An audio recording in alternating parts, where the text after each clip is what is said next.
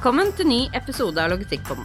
Årets Lisdag ble avsluttet med en spennende debatt om fremtidens lager. Her var det mange gode betraktninger og synspunkter. Heldig for deg som lytter er at vi spilte inn dette, og høydepunktene fra debatten deler vi med deg i denne episoden. Deltakerne i debatten var Andreas Hoberg fra Oda, Målfrid Valgren, Netthandelsgruppen, Eirik Toft fra LIS, André Svendsen fra Namron og Tom Jarle Deknes fra Nova Retail. God debatt. Jeg har en eh, fantastisk eh, knippe debattanter. Jeg tror de er kanskje ikke enige om så veldig mye. Så skal jeg stille noen spørsmål. Og så er vi så heldige at vi har eh, en par klasser fra Fagskolen Innlandet her, som skal få komme opp og stille noen spørsmål til dere også. Men jeg tenkte vi kunne begynne med deg, Målfrid. Dere er midt i en prosess nå. det skjer veldig mye. Hva tenker du om dagen, eh, og hva har dere fokus på? Vi har eh, mye fokus på, som du sier, det skjer veldig mye. Eh, vi er jo netthandel. Vi har vokst enormt, som sikkert flere har fått med seg siste året. Så vi sliter med plass. Det har vært vårt fokus nå siste tiden. Så akkurat nå så er det litt ineffektivt når vi må låne litt plass av André, blant annet. For å få plass til alt vi skal ha, frem til nytt lager står oppe. Så vi er midt i en prosess hvor vi skal bygge, eh, bygge ut lageret vi har, eh, for å få mer kvadratmeter. For vi vokser litt for fort. Og Andreas, dere er også midt oppi Norges mest kjente lagerprosess, tror jeg. Åssen går det med dere om dagen? Nei, det går, eh, det går, jeg vil si det går veldig bra. Vi er Kapasitet har stått på agendaen hos oss ganske lenge nå. Eh, og de gjorde det egentlig før koronaen eh, inntraff òg. Så det satte jo ikke akkurat en demper på salget vårt. Eh, så vi har løpt etter kapasitet nå i ganske lang tid. Og har snart et nytt lager i Lier oppe å gå. Før sommeren så håper jeg at det er, er godt i gang og i drift. Mens vi også jobber med å ekspandere internasjonalt. Og det er krevende i seg selv, det òg. Skal til Finland og Tyskland. Så vi merker, vi merker det som organisasjon, i hvert fall. Det er trøkk i organisasjonen da? Mm. Men du skal ha hovedansvar på Lier? Ja, eller både på eh, Lier og lageret vi også drifter på Lørenskog i dag. Ja. André, dere har vært sånn rakett i mange år. Ehm, fortsetter raketten? Hvordan går det på lageret? Jeg tror Jeg tipper at raketten fortsetter. Er, eh, siden jeg begynte i slutten av 2015, så har vi jo flytta lager eh, to ganger og bygd et lager og bygd på lager og, og bytta VMS og implementert Autostore og dobla Autostoren. Så det har vært hektiske fem år. Jeg tror ikke de eh, neste fem blir noe mindre hektisk. Men nå har du såpass mye plass at du låner ut til naboen? liksom? Ja, For et eh, halvt til ett år så trenger jeg nok plassen sjøl. Det passer nok greit med byggeprosessen deres. Ja. Men eh, Tom Jarle, hva rører seg der ute nå? Um, her er det tre raketter som vi for ti år siden nesten ikke visste hvem var. Uh, og nå har de milliardomsetning til sammen. Uh, til sammen aleine. Eh, når du stiger sånn eh, så fort som du gjør, eh, når er det du liksom tenker nå må jeg virkelig gjøre noe? Jeg tenker at uh, en logistikksjef, lagersjef med litt respekt for seg sjøl, som har et lager, og, altså er vareeier, for å si det sånn, med en viss størrelse, uh, bør vurdere uh, hvordan de drifter, egentlig litt uansett. Jeg syns e-skalermodellen til Eirik er veldig riktig. Altså når du er én, er greit. Men når du kanskje er fem, kanskje du skal vurdere hva kan jeg gjøre smartere og bedre da. Du kan gjøre mye innenfor den løsninga du allerede har. Ved prosessoptimalisering og sånn. Trenger ikke å automatisere nødvendigvis med en gang. Trenger ikke å investere så mye penger. Men vurder nå hvordan du jobber. Jobb med å få mest mulig ut av de rammebetingelsene du har da, i utgangspunktet. Så, men når det gjelder disse rakettene her, så, så ser vi også at det beveger seg, rører på seg. Er, eh, de er kjempeflinke. Og tradisjonell detaljhandel har skjønt det.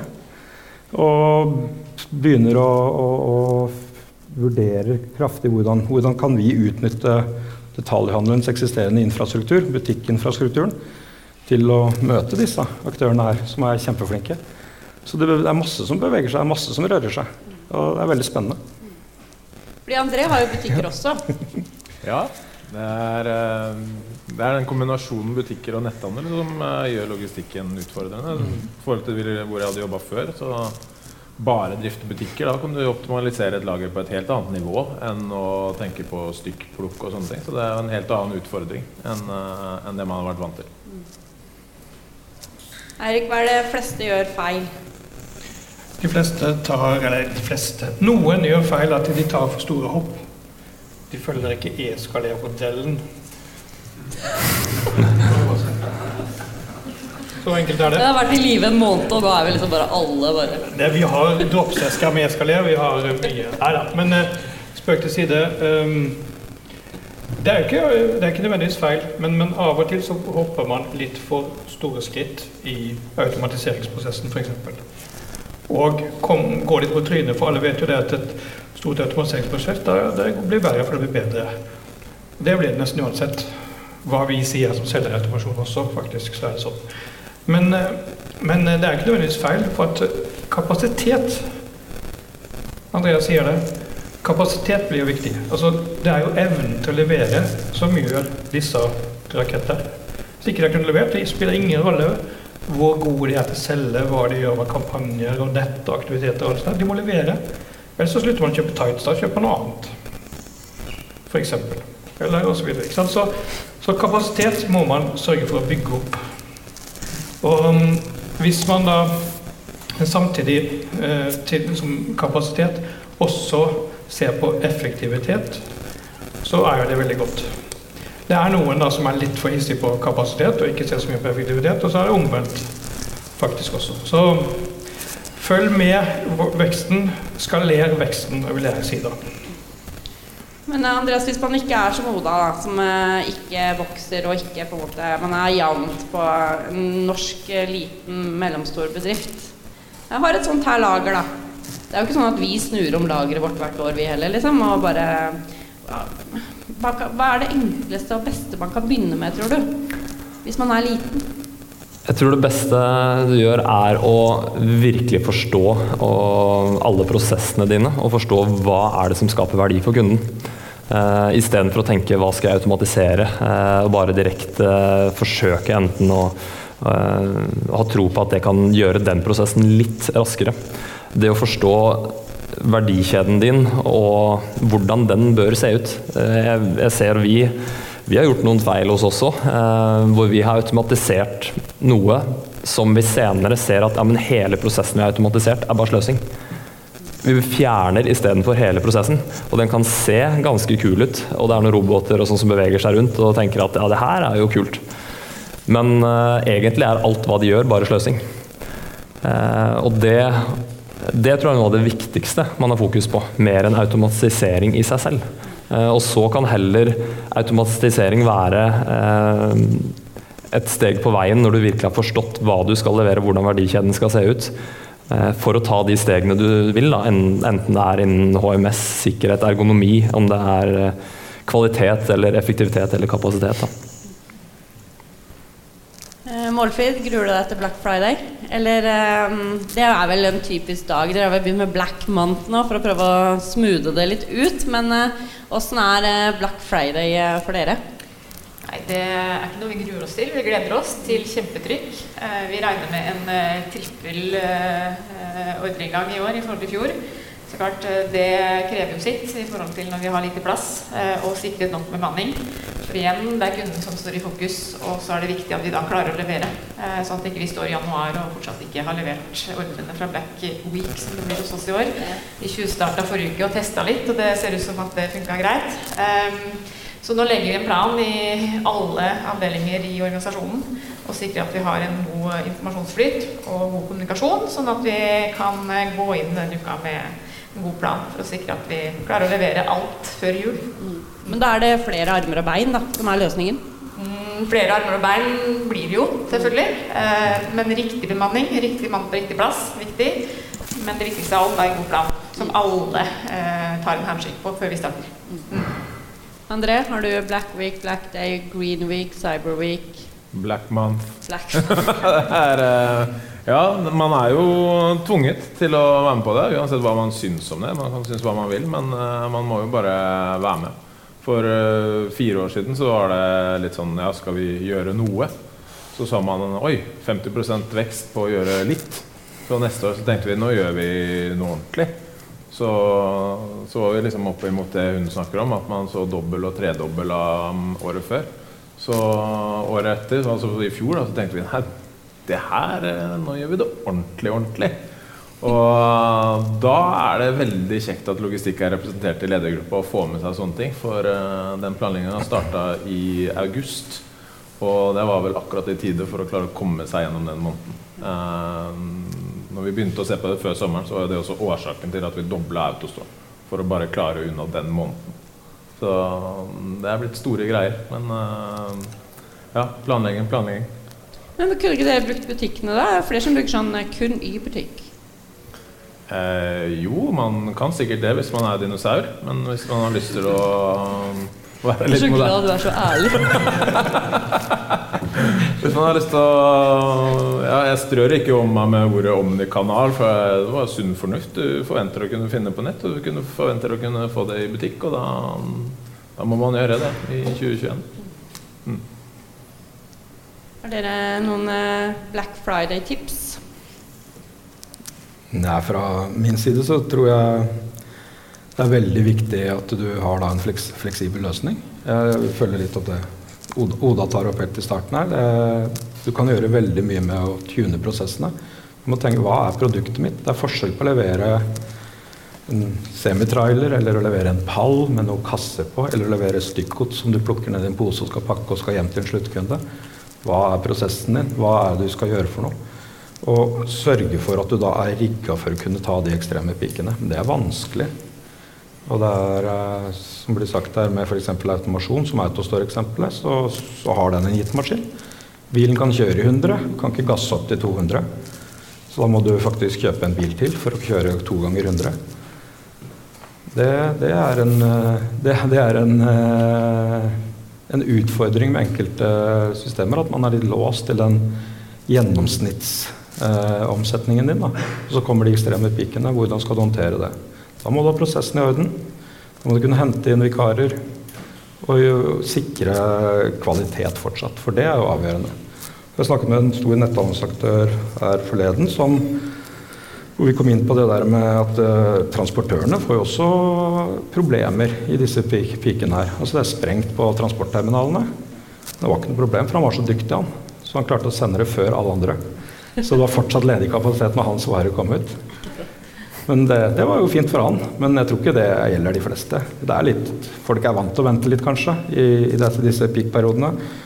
Men du er god da hvis du klarer å øh, gi kunden en bedre kundeopplevelse enn forventa. Jeg hadde egentlig lyst til å stoppe og si amen etter de to bildene, men jeg ser Andrea og henne oppe, så vær så god. Jeg har bare lyst til å kommentere på det. fordi ja, du har noe som går i 100, den går ikke fortere enn 100. Men det er jo en sannhet med modifikasjoner. fordi når vi planla fjorårets Autostore, som vi sant, i den perioden man var i og visste at det her kommer til å bli enormt Så yes, da har vi det anlegget, yes, vi dobla det. Det utgjør noe, men det var ikke det alene som gjorde at man klarer det. Fordi man blir jo veldig fastsatt på at hos oss så jobber man syv til tre og åtte til fire, og man har kanskje skift, liksom, men det fins netter og det fins helger. Og det fins mennesker som har lyst til å jobbe mye, så at anlegget har den kapasiteten, ja. Men døgnet har faktisk 24 eh, timer, og det er syv dager i uka. Og det er mange måter å skalere opp på for å ta unna den perioden. Eh, så ja, liksom dobling, hvordan skal man takle det og sånne ting. Så veldig mange har det man trenger innenfor de veggene. Og så trenger man ja, noen ekstra mennesker. Men det er mye man kan gjøre der, og for vår del så er Black Week blitt en sånn Vet du hva? Det er ingen som tør engang å spørre om fri denne uka. Eh, det er jo heller motsatt. De kommer der og lurer på hva er til mat, og hva for noe moro skjer denne uka her. For vi lager en happening av det, så folk har lyst til å være der. Vi oppdaterer hele tiden og sørger for at liksom, Wow, nå ligger vi der. Yes, nå slo vi rekorden. Der klokka er fortsatt bare seks på kvelden. liksom. Kundeservice oppe til klokka ett på natta. Transportører kommer og henter fredag natt, natt til lørdag, natt til søndag, natt til mandag. Vi er på. Så den går ikke bare i 100. Det, det kan se ut som en Volkswagen, men det kan bli en Ferrari. Eirik, kommentar? Ja, nei, jeg skal ikke snakke om teknologi sånn sett, men jeg tror det som Og det har jo, um, det har jo andre snakka om før òg. Trivsel på arbeidsplassen. Ricardi har snakka om lav, ikke sant. Det er viktig altså, for å skape en happening, skape en, en team, en, en følelse av at du jobber mot et felles mål. Det skal også sies at uh, Vi har jo hatt Roald her i dag og snakka om robot. Han har jo akkurat tatt opp det her med kapasitet, døgn, helg osv. finnes muligheter der òg. En ting vi ikke har snakka om her i dag, men som er også viktig system. Det som er kult her, nå har jo noen lagd eget system. Drittbra. Noen uh, har solgt systemer. Uh, vi selger jo systemer. Og noen har ikke system ennå. Noen er midt imellom systemer, sånn som han. Så det, det, er også sånne ting, organisering på et lager, som virkelig gjør den ekstra lille effekten da, som man er ute etter.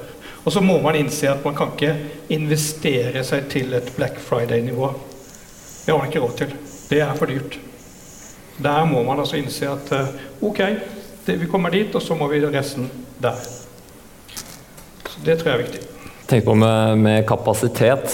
Eh, jeg har vært borti, eller i, i spesielle peak-perioder som Black Friday, eller eh, jeg har tidligere vært jobbet i Posten, og i Oda også så er det et ekstra trykk før jul. Og det var det der òg. Og hvis man vet hva som er flaskehalsene sine, og har det klart i forkant, så man vet at det er ikke en prosess som er en flaskehals, men at det faktisk er bemanning.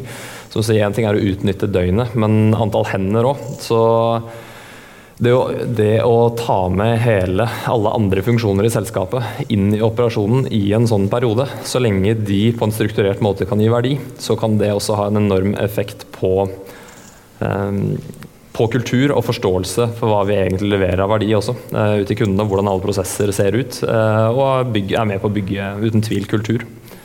Eh, studenter, er dere klare? Tenkte vi kunne begynne med de som hadde spørsmål til netthandelsgruppen. Kristian, Edvard, Frode, Herman. Hei, jeg er Kristian fra Fagskolen Gjøvik. Dere har jo vokst enormt. gått fra fire ansatte til 120, og så driver dere tre nettbutikker.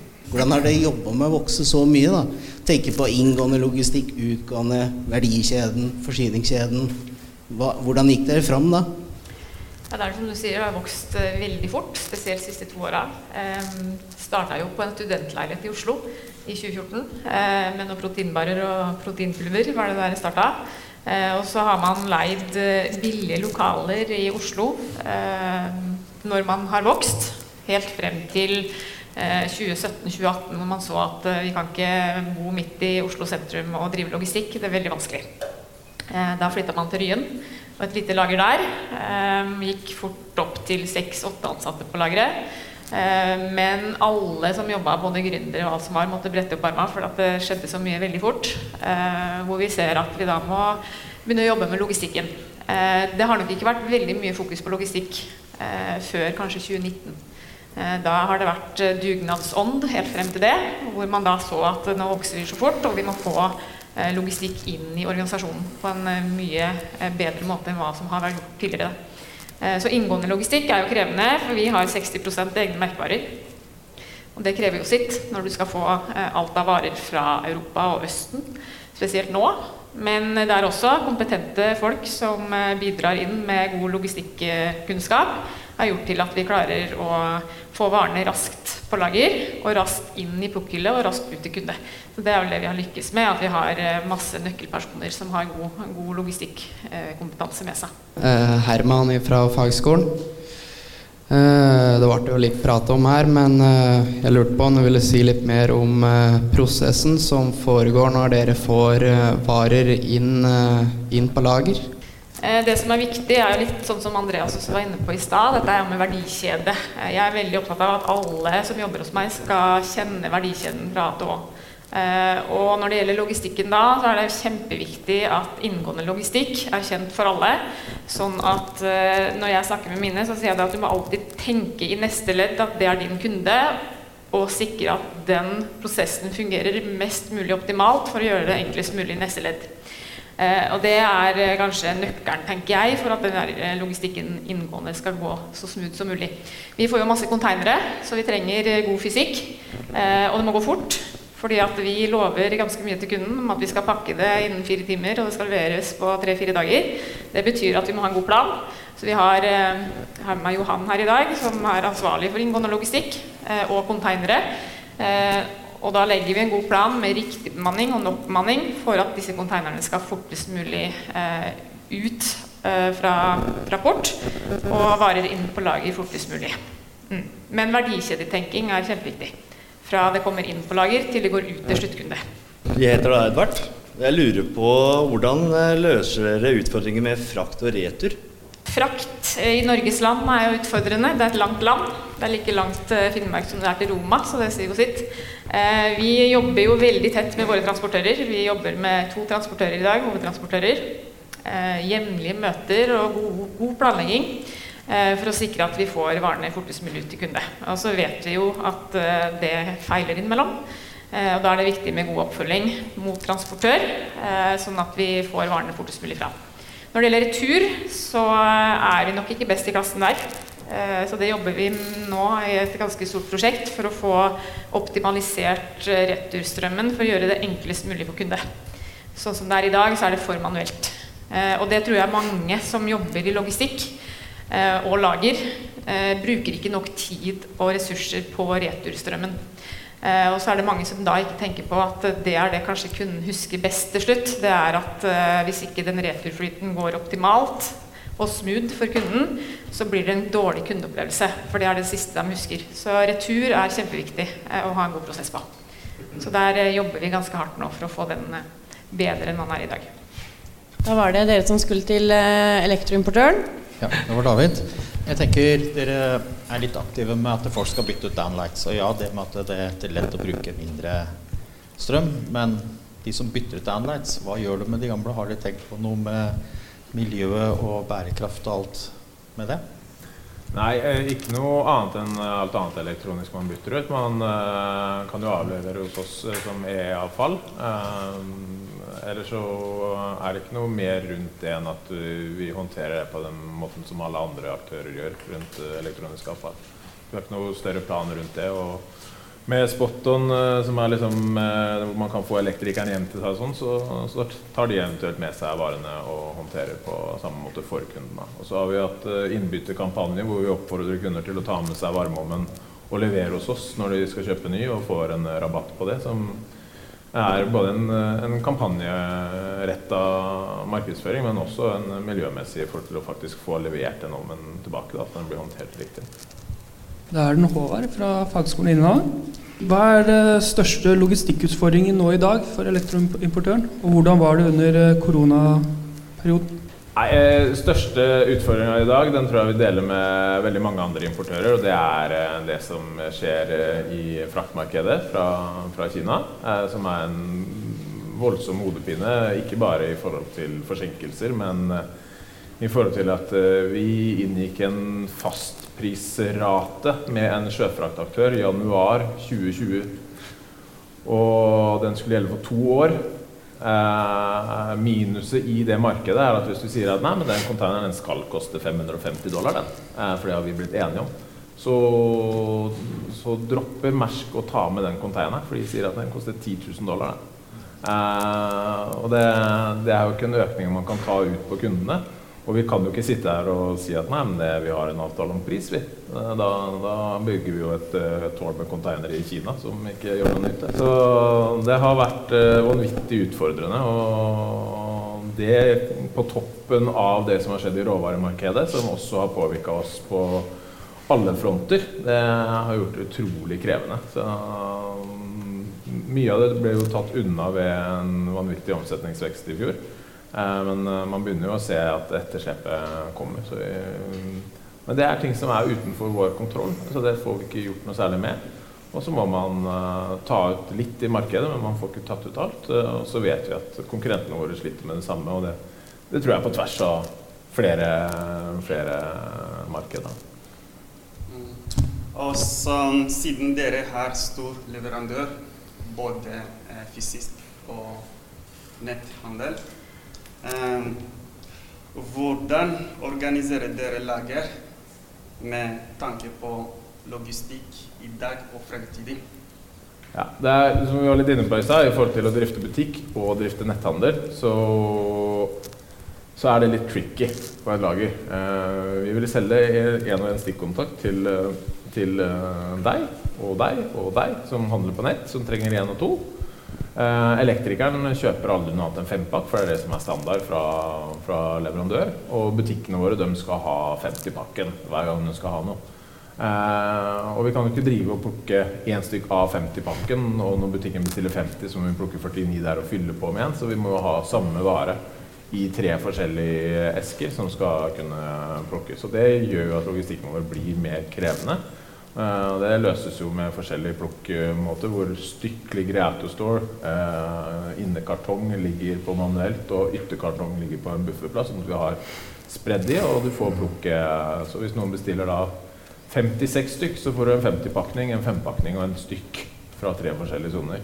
Uh, det er liksom masse sånne ting da, som man må ta med seg i internlogistikken når man drifter på forskjellige måter da, i forskjellige markeder. Bra. Bjørn Terje, Fagskolen. Da er det til Andreas og Soda. Mitt spørsmål til dere er si, hvilket automasjonsnivå har dere valgt?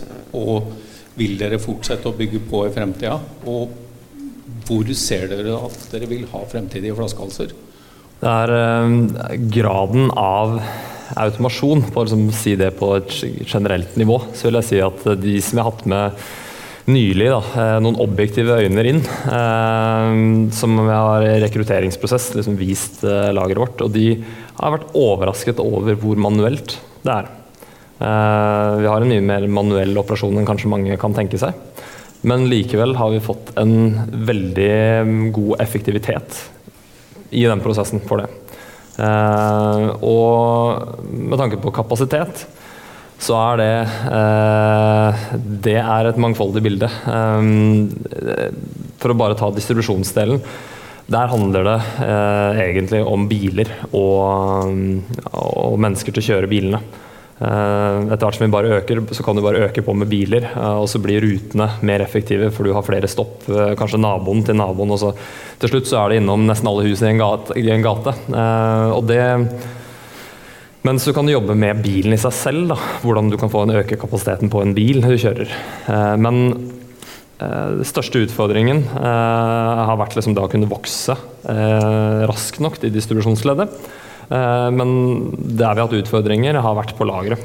Og da har det ikke vært liksom ett sted. Det har vært fra varemottak og eh, så er det visse prosesser vi ikke har måttet ta tak i. Men jeg tror i løpet av det siste halvannet året så har jeg økt kapasiteten i nesten samtlige prosesser vi har på lageret. Um, så en hjelp inn i det. Jeg snakket om det å forstå prosessen sin. Da. Vi hadde god kontroll på flaskehalsene også når korona traff. Så vi visste med en gang da hvor vi måtte jobbe. Så liksom dagen etterpå så var det x antall løsninger på bordet på hvordan vi skulle, hvordan vi skulle ta neste steg. Og det er noe vi jobber med framover. Eh, når det gjelder grad av automasjon, automasjon i fremtiden, så er det uten tvil noe som også står på agendaen. Eh, det å finne og velge riktig måte. og hva som skal automatiseres, og hvilken kompleksitet det tar med seg, hvilke begrensninger det gir osv. Er, eh, er viktige ting. Men eh, det er ikke, jeg har ikke noe fasitsvar på alt. Men, eh, men vi, det er noe vi, som står høyt på agendaen også. Vi, vi lever for å bli bedre fra dag til dag. Frode fra fagskolen. Sånn miljøvennlighet da, i forhold til distribusjon og sånn. Tenker dere mye på det? Det gjør vi også. Og der har vi der har vi allerede lagt en del planer. Én eh, ting eh, som har en stor effekt på miljøet også, er liksom det jeg snakket om distribusjonseffektiviteten vår. Den veksten vi har hatt fra 2019 eh, til 2020 gjorde at vi sparte 400 000 kjørte kilometer i 2020. Og det er ikke det at vi, jo, vi kjørte mer, men hvis du hadde hatt samme kjørelengde mellom hver kunde i 2019, nei, 2020 som du hadde i 2019, så hadde du måttet kjøre 400 000 flere kilometer. Ehm, men ehm, likevel så er den delen av vår egen verdikjede det som står for den høyeste andelen av utslippet. Og vi har satt som mål at vi skal ha en helelektrisk eh, bilflåte eh, innen 2025. Eh, og det er noe vi jobber aktivt med nå. Både for å ha varebiler som og se på at teknologien har kommet langt nok med både batterikapasitet osv. for å kunne både drifte kjøleanlegg i bil, pluss pluss det du trenger av kjørelengde på bilen for å kjøre en full rute som du trenger. Tenker dere at kjøringa deres er i tillegg til at mennesker drar på butikken, eller istedenfor? Det, det er Altså, de handlene de gjør, er i stor grad istedenfor. Og så vil du alltids kunne få unntak på noen likevel må en tur innom butikken. Men vi har gjort, fått noen eksterne til å gjøre analyser for oss. Der vi ser at vi allerede så er verdikjeden vår i dag mer miljøvennlig enn den fysiske, gitt at gjennomsnittskunden kjører noen ganger bil til butikken, noen ganger går eller sykler, men at det er en variasjon i det. Så er vi allerede 30, har vi 37% lavere klimaavtrykk i vår verdikjede i dag. For det er ganske mange andre ledd i kjeden der, hvor du har en distribusjon ut i alle butikker osv. i tillegg. Da. Ole fra fagskolen. Tenk litt på retur. Utfordringer rundt retur og de følsomme varene dere har der. Hvordan løser dere de problemene og hvis dere tenker på bærekraft? Vi har et mye mindre returproblem enn det du har i den type nettbutikker som, som selger klær, f.eks. Vi har en veldig lav andel retur fra kundene våre. og Det er stort sett fordi du har problemer med en levering. At en kunde ikke rett og slett Det skjer kanskje noe spesielt som gjør at de bare de, de er ikke hjemme. De måtte reise. og Det gjør at vi har en veldig lav andel retur tilbake, men likevel så er Mattilsynet er også veldig strenge, og det er jo bra. Så det betyr at vi, det er begrensa hva vi kan sende ut igjen og bruke på nytt og sende ut til kunder. Og brød, som, for, for, som et eksempel, det er ikke noe vi da tar inn igjen og selger til en ny kunde, for det er, skal være helt ferskt. Da har vi ulike løsninger på det, hvor én er at vi, vi gir bort mat til andre som trenger det, som ikke har, har penger til å kjøpe mat selv.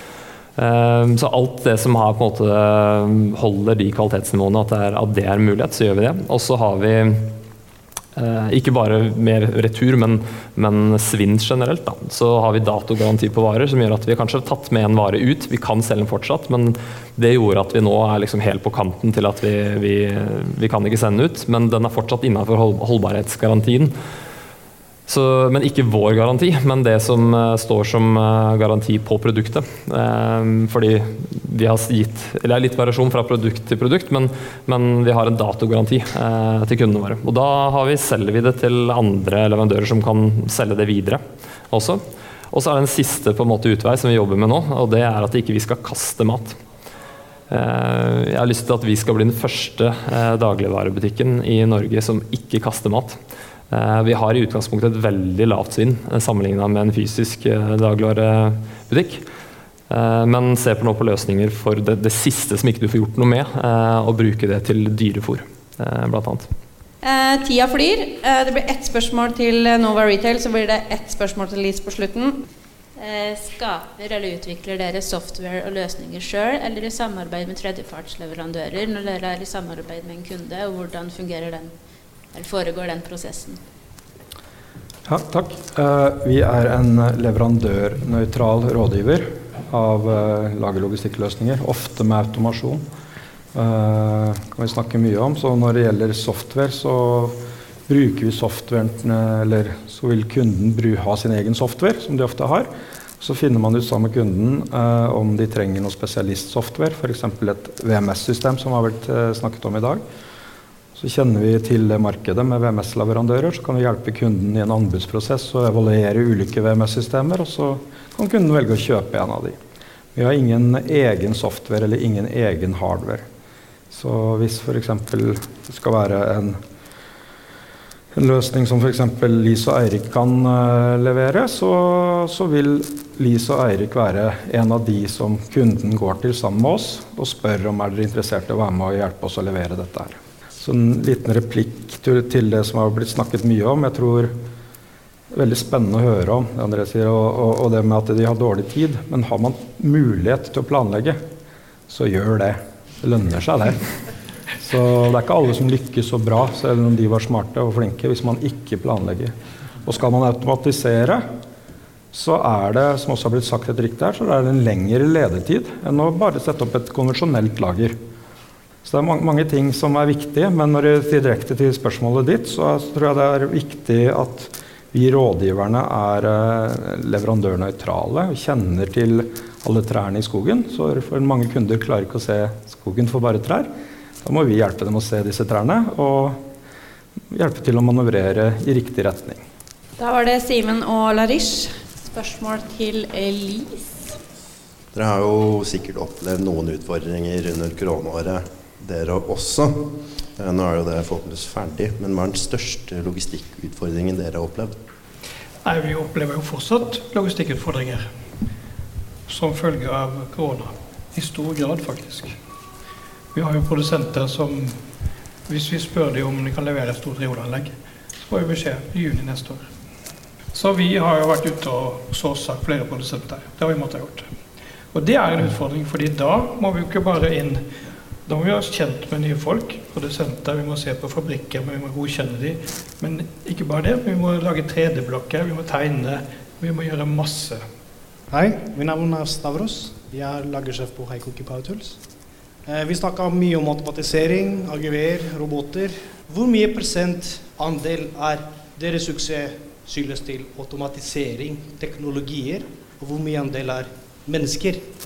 Eh, 100% mennesker. Har du dårlige mennesker, så hjelper det ikke uansett hva du har vært verktøy. Helt enig. Jeg har null automasjon i dag, så jeg er 110% avhengig av alle Men eh, det var sånn som vi sa før i dag, at det hjelper ikke å ha en robot eller en maskin. Du må ha mennesker. Eh, og det er menneskene som er viktigst eh, for å oppnå suksess. Det er det ingen tvil om. Nå husker jeg at teknologien er en muliggjører. Eh, jeg har jobbet med mange som lager logistikk- automasjonsprosjekter opp igjennom. Og de som er mest vellykket, de har menneskene med. Om gode mennesker, nøkkelpersoner, større grupper får et eierskap i, i, i organisasjonen, så er jo da igjen teknologien en muliggjører. Så jeg tror dette går litt, litt hånd i hånd. Altså, og så må du huske en ting til. Når uh, vareeiere som det her investerer i automasjon, så investerer de også i medarbeiderne sine. De får en bedre arbeidsmiljø, det er mindre risiko. altså mye Ergonomien blir tilrettelagt for, det er mindre skader på, på bygning og også på personer. Uh, og sånn hvis du legger til rette for det i uh, den teknologiske løsninga di. Så jeg tror det her går veldig hånd i hånd. Vi gjorde et, et solid taktskifte og en endring av vår operasjon i 2018. Og det kom en overordna idé eh, om hvordan vi skulle løse vår interne verdikjede eh, på lageret. Og den kom, fra, den kom ovenifra, men idet vi implementerte det ut første dag, så var vi ikke noe bedre enn det vi var dagen før. Uh, ideen var likevel der, og det var uten tvil noe som la til rette for det. Men den utviklingen vi har hatt fra det og fram til i dag, det har, det har, kun vært menneskene. Og så har det gjerne vært i kombinasjon med å jobbe på tvers, hvor du får et bra samspill mellom en operatør og en leder ute i operasjonen som forstår de daglige utfordringene de har, satt sammen med eh, en god data analyst og en som skriver kode hos oss. da og de sammen setter seg ned og jobber med de problemstillingene vi har, det har det kommet gull ut av. Jeg vil jo trekke det litt vekk fra teknologi og begynne å tenke, ta det litt ned og tenke et lite lager. Fordi det er faktisk, og siden 1987 da, jeg, så har jeg besøkt ekstremt mange lager hvor den som blir valgt til lagersjef, er den som plukker best. Er det nødvendigvis den som er den beste lagersjefen? Da har han ikke tid, eller henne, hun tid til å organisere at de andre jobber bedre. Og det ser vi. Akkurat det samme er med salgssjef. Jeg blitt salgssjef. Er det fordi jeg solgte mest? Kanskje? Det er akkurat sånn. Jeg er ikke sikkert jeg har noen lederegenskaper. Altså det, det, er et spørsmål vi er nødt til å stille, og tørre å stille oss. Fordi jeg har sett så mange, og det, dette tror jeg dere har hørt og sett så mange ledere på et lager som har gjort av duer og ikke helt har fått uh, smørt det maskineriet der. Men tenk på regnestykket. Hvis du har én lagersjef, fire andre medarbeidere, hva er mest effektivt? At lagersjefen jobber dobbelt, og de andre jobber eh, 0,75? Eller om de andre jobber 1, og han jobber ja. Man, man ser tegninga, ikke sant? Så en leder skal legge til rette for at sine medarbeidere trives, det er ekstremt viktig, og jobber. Tusen hjertelig takk for at dere var med i denne debatten. Det var mye å lære. Da har Børge og jeg lyst til å benytte anledningen til å ønske deg og dine en god jul og et godt nyttår. Vi høres i 2022.